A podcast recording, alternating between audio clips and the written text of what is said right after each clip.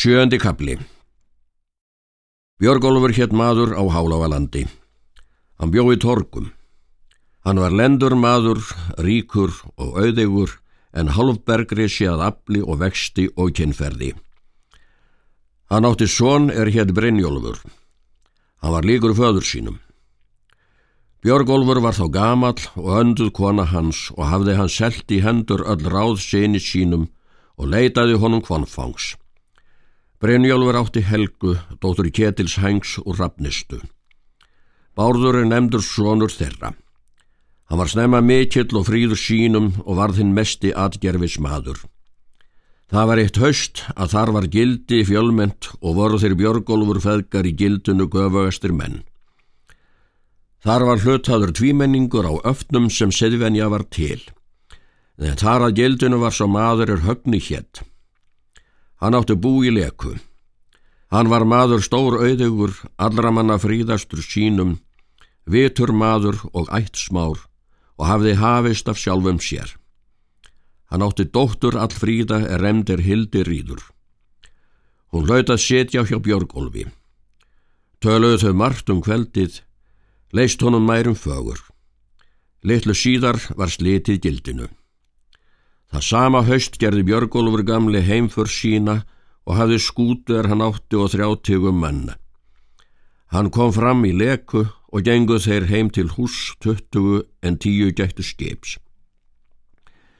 Er þeir komu á bæin þá gekk högn á móti honum og fagnar vel.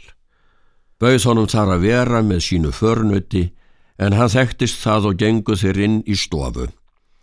Er þeir höfðu afklæst og tekið upp yfirhafnir þá létt högni bera inn skaptker og mundgátt. Hildir íður bondadóttir bar öl gestum. Björgólfur kallar til sín högna bonda og segir honum að erindi er það hingað að ég vil að dóttir þín fari heim með mér og mun ég nú gera til hennar lausa bröllöp. En högni sá engan annan sinn kost en að láta allt svo vera sem Björgólfur vildi. Björgólfur kefti hana með eiri gulls og gengu þau í eina rekju bæði. Fór Hildiríður heim með Björgólfi í torkar. Brynjólfur let illa yfir þessi ráða gerð. Þau Björgólfur og Hildiríður áttu tvo sonu. Hétt annar hárekkur en annar hrærekkur. Síðan andaðis Björgólfur. En þegar hann var út hafinn þá let Björgólfur Hildiríði á brott fara með sonu sína. Fór hún þá í leku til föðursins og fættust þau upp sinir hildir í þar. Þeir voru menn fríðir sínum, litlir vexti, velviti borðnir, líkir móður frendum sínum. Þeir voru kallaðir hildir í þar sinir. Lítilsvirti Brynjólfur þá og let þá ekki hafa af föðurarfi þeirra. Hildiríðu var erfingi högna og tók hún og sinir hennar arf eftir hann og bjöggu þá í leku og hafðu auð fjár. Þeir voru mjög jafnaldrar, Bárður Brynjólfsson og Hildur Íðar Seinir.